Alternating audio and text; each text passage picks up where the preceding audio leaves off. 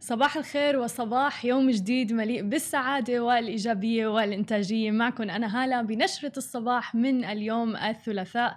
واليوم خبيلكم أخبار جدا رائعة. في عنا خبر عن جوجل خبر عن برنامج جديد لأوبرا وينفري وآخر خبر رح نتطرق فيه لقضية غسيل الأموال اللي عم يحكي فيها كل ال social media حاليا.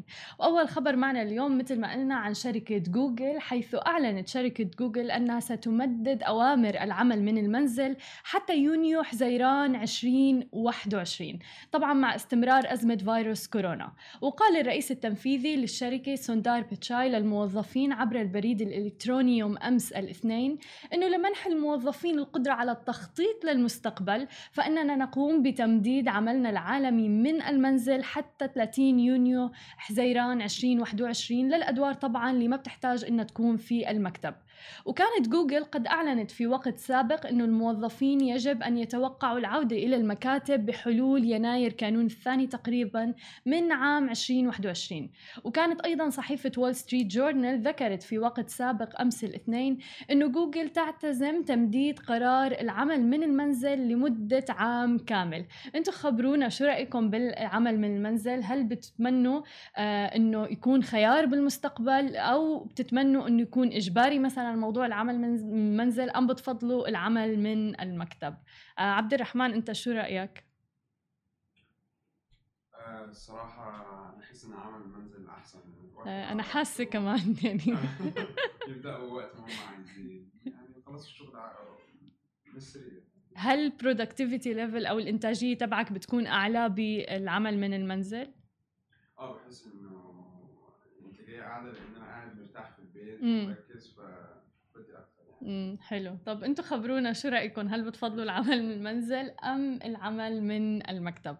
خلونا ننتقل لخبرنا الثاني عن آه، شركة أبل تحديدا وأعلنت شركة أبل ونجمة التلفزيون الأمريكية أوبرا وينفري يوم أمس الاثنين أيضا أنها ستعود إلى برنامجها الحواري ولكن بسلسلة جديدة تبث عبر أبل تي في بلس. وراح تركز أولى حلقاته على العنصرية في الولايات المتحدة الأمريكية تحديدا. وذكرت أبل ووينفري في بيان أن أولى حلقات البرنامج اللي هو راح يكون اسمه The Oprah Conversation أو الحوار مع أوبرا راح تبث في 30 يوليو وإلى جانب وينفري راح تشهد الحلقة الأولى اللي راح تعرض مجانا أيضا على خدمة أبل حضور إبرام إكس كيندي اللي هو صاحب كتاب كيف تكون مناهضا للعنصرية الأكثر مبيعا. ورح يتحدث الاثنان عن العنصرية. وكتبت وينفري وهي إحدى أكثر النساء نفوذا في الولايات المتحدة الأمريكية على تويتر أنه حان الوقت لإعادة البشرية إلى الحوار. مضيفة أيضا إلى أنها تأمل في إجراء حوار يعمل على توحيدنا لا تقسيمنا. وسيجري تصوير حلقات البرنامج عن بعد بسبب جائحة فيروس كورونا لكنها ستشمل تفاعلا مع الجمهور أيضا.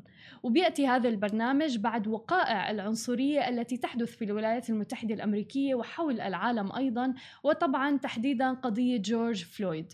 وخبر مثل هذا مهم جدا لأنه أوبرا اختتمت برنامجها الحواري اليومي الشهير منذ عام 2011 اللي تناولت فيه القضايا جدا مهمة مثل مثلا قضايا التحرش الجنسي استضافت من خلاله كبار الشخصيات والقادة والمشاهير والرؤساء أيضا.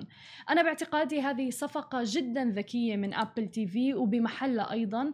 أنا من الأشخاص اللي ممكن هلأ أشترك بأبل آه، تي في فقط لمشاهدة هذا البرنامج لأنه رح يكون حصري على ابل تي في بلس وهيك نوع من الصفقات اللي بتتم آه، بتحث الناس على استخدام منصة مثل ابل تي في بلس بظل المنافسة الكبيرة اللي عم نشهدها بين آه، منصات العرض عند الطلب. عندنا هلأ خيارات عديدة جدا منها نتفليكس ابل تي في بلس امازون بالإضافة إلى ديزني آه، في منافسة جدا جدا قوية في هذا الموضوع. فهيك نوع من الصفقات هي اللي بتحث الناس على استخدام هذه القنوات أو المنصات و الاشتراك فيها. في ختام نشرتنا لليوم. أكيد بدنا نتطرق لموضوع غسيل أموال المشاهير اللي ضجت فيه مواقع التواصل الاجتماعي في الآونة الأخيرة. وأعلنت وسائل إعلام محلية كويتية عن التحفظ على أموال المشاهير ومنعهم من السفر أيضا بتهمة غسيل الأموال. وهذا القرار جاء بعد بلاغ من وحدة التحريات المالية اللي شافوا أنه في تضخم كبير في حساباتهم حيث كشفت أيضا صحيفة القبس عن عن أسماء المشاهير وقالت أنه من بينهم من كان دخله السنوي حوالي 5 ملايين دينار في عام واحد فقط. وكشفت أيضا مصادر أنه الحركة المالية لإحدى الشركات التي تدور حولها شبهات قوية بلغت 100 مليون دينار في أقل من سنة فقط. وأوضحت المصادر أيضا أن التحويلات والفواتير لا تتطابق أبدا مع نشاط الشركة. وبالنسبة لأسماء المشاهير فهم يعقوب بوشهري فوز الفهد آه، دانا طويرش مشاري بويابس حليمة بولند عبد الوهاب العيسى فرح الهادي أيضا جمال النجادة وأيضا شفاء الخراز ومريم رضا. ويوم أمس تحديدا تم وضع شركة بوتيكات آه، الكويتية تحديدا آه، تحت التحقيق وأمر أيضا بتجميد حساباتها البنكية. شركة بوتيكات هي منصة للتجارة الإلكترونية للتجميل قائمة على مشاهير السوشيال ميديا اللي بيروجوا لمنتجاتها.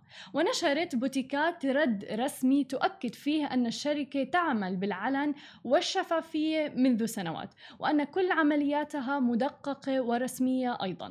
ولكن طبعا انقسم الناس لمؤيد ومعارض لهذه القضية وبعد هذا الخبر تحديدا شهدنا انسحاب جماعي لمشاهير من الإمارات والخليج من منصة بوتيكات. من بينهم فيصل البصري عهود العنزي تيم الفلاسي وأيضا حصة الفلاسي وغيرهم من المشاهير. ولكن خليني أترككم الآن مع بعض ردود من المتهمين بقضية غسيل الأموال من بينهم فوز الفهد ويعقوب بوشهري. هاي شلونكم؟ طبعا الكل شاف اللي صار أمس وحبيت أطمن الكل. أولا حابة أشكر كل الناس اللي سألوا عني ودقوا علي وطمنوا علي. أنا بخير الأمور كلها في خير إن شاء الله يا رب هذا فقط إجراء روتيني قانوني من حق الدولة تحقق معانا في أي شيء تحس إنه في شيء. يبون يسألون عنه يشيكون عليه. هذا شيء إحنا أنا كشخص مستعدة أسويه. وكل شيء إن شاء الله نظيف ونفس ما قاعدة أقول أشكر الكل. وراح أرد أقول أنا مقدرة كل شخص دق دز مسج حاول يكلمني حاول يكلم أشخاص حواليني أهلي. شكرا هذا الموقف بين لي وايد ناس قلبهم علي. وفي نفس الوقت أنا مرتاحة أن أنا انحطيت في هذا الموقف. صدق إنه يضايق لكن مرتاحة في نفس الوقت لأن أبي أخلص. وإن شاء الله يا رب بإذن الله داخلة نظيفة وبإذن الله طالعة نظيفة. سعيد بالخطوة اللي صارت وهذا شيء وايد مفيد وايد زين. حقنا كيعقوب بشهري بتقولي ليش؟ بقول لك لأنه خلاص أنا قاعد شبدي فلان يقول وفلان يقول وفلان يحكي وفلان يحكي وهذا يقعد يبطل حلجة وهذه تقعد تبطل حلجة زين ليه متى؟ فالشيء الحلو اللي صار انه تم تحويل كل القضية كاملة إلى القضاء فلما تروح حق القضاء القضاء هو اللي يفصل في هذا الشيء إذا كنت غلطان أتوقع ما راح يمديني أشوف كومنتاتكم وإذا كنت على حق بكون قاعد وحاط له ورقة وماخذ صك من المحكمة في البراءة. اليوم الوضع اللي صار ما صادروا في ناس مو فاهمة. هو حجز تحفظي. يعني كل أغراضك عندك بس ممنوع تتصرف فيهم. ممنوع تبيع ممنوع تشتري ممنوع تحول فلوس. يعني ممنوع تتحكم بأي شيء عندك لين يصدر فيك حكم. وهذا سعيد بالخطوة اللي صارت وهذا شيء وايد مفيد. هذه كانت كل أخبار المشاهير والسوشيال ميديا. وتحديدا اليوم تطرقنا لموضوع قضية غسيل الأموال. ما تنسوا تتابعونا على كل مواقع التواصل الاجتماعي الخاصة بسماشي TV. تسمعوا البودكاست تبعنا وتنزلوا الابلكيشن نهاركم سعيد.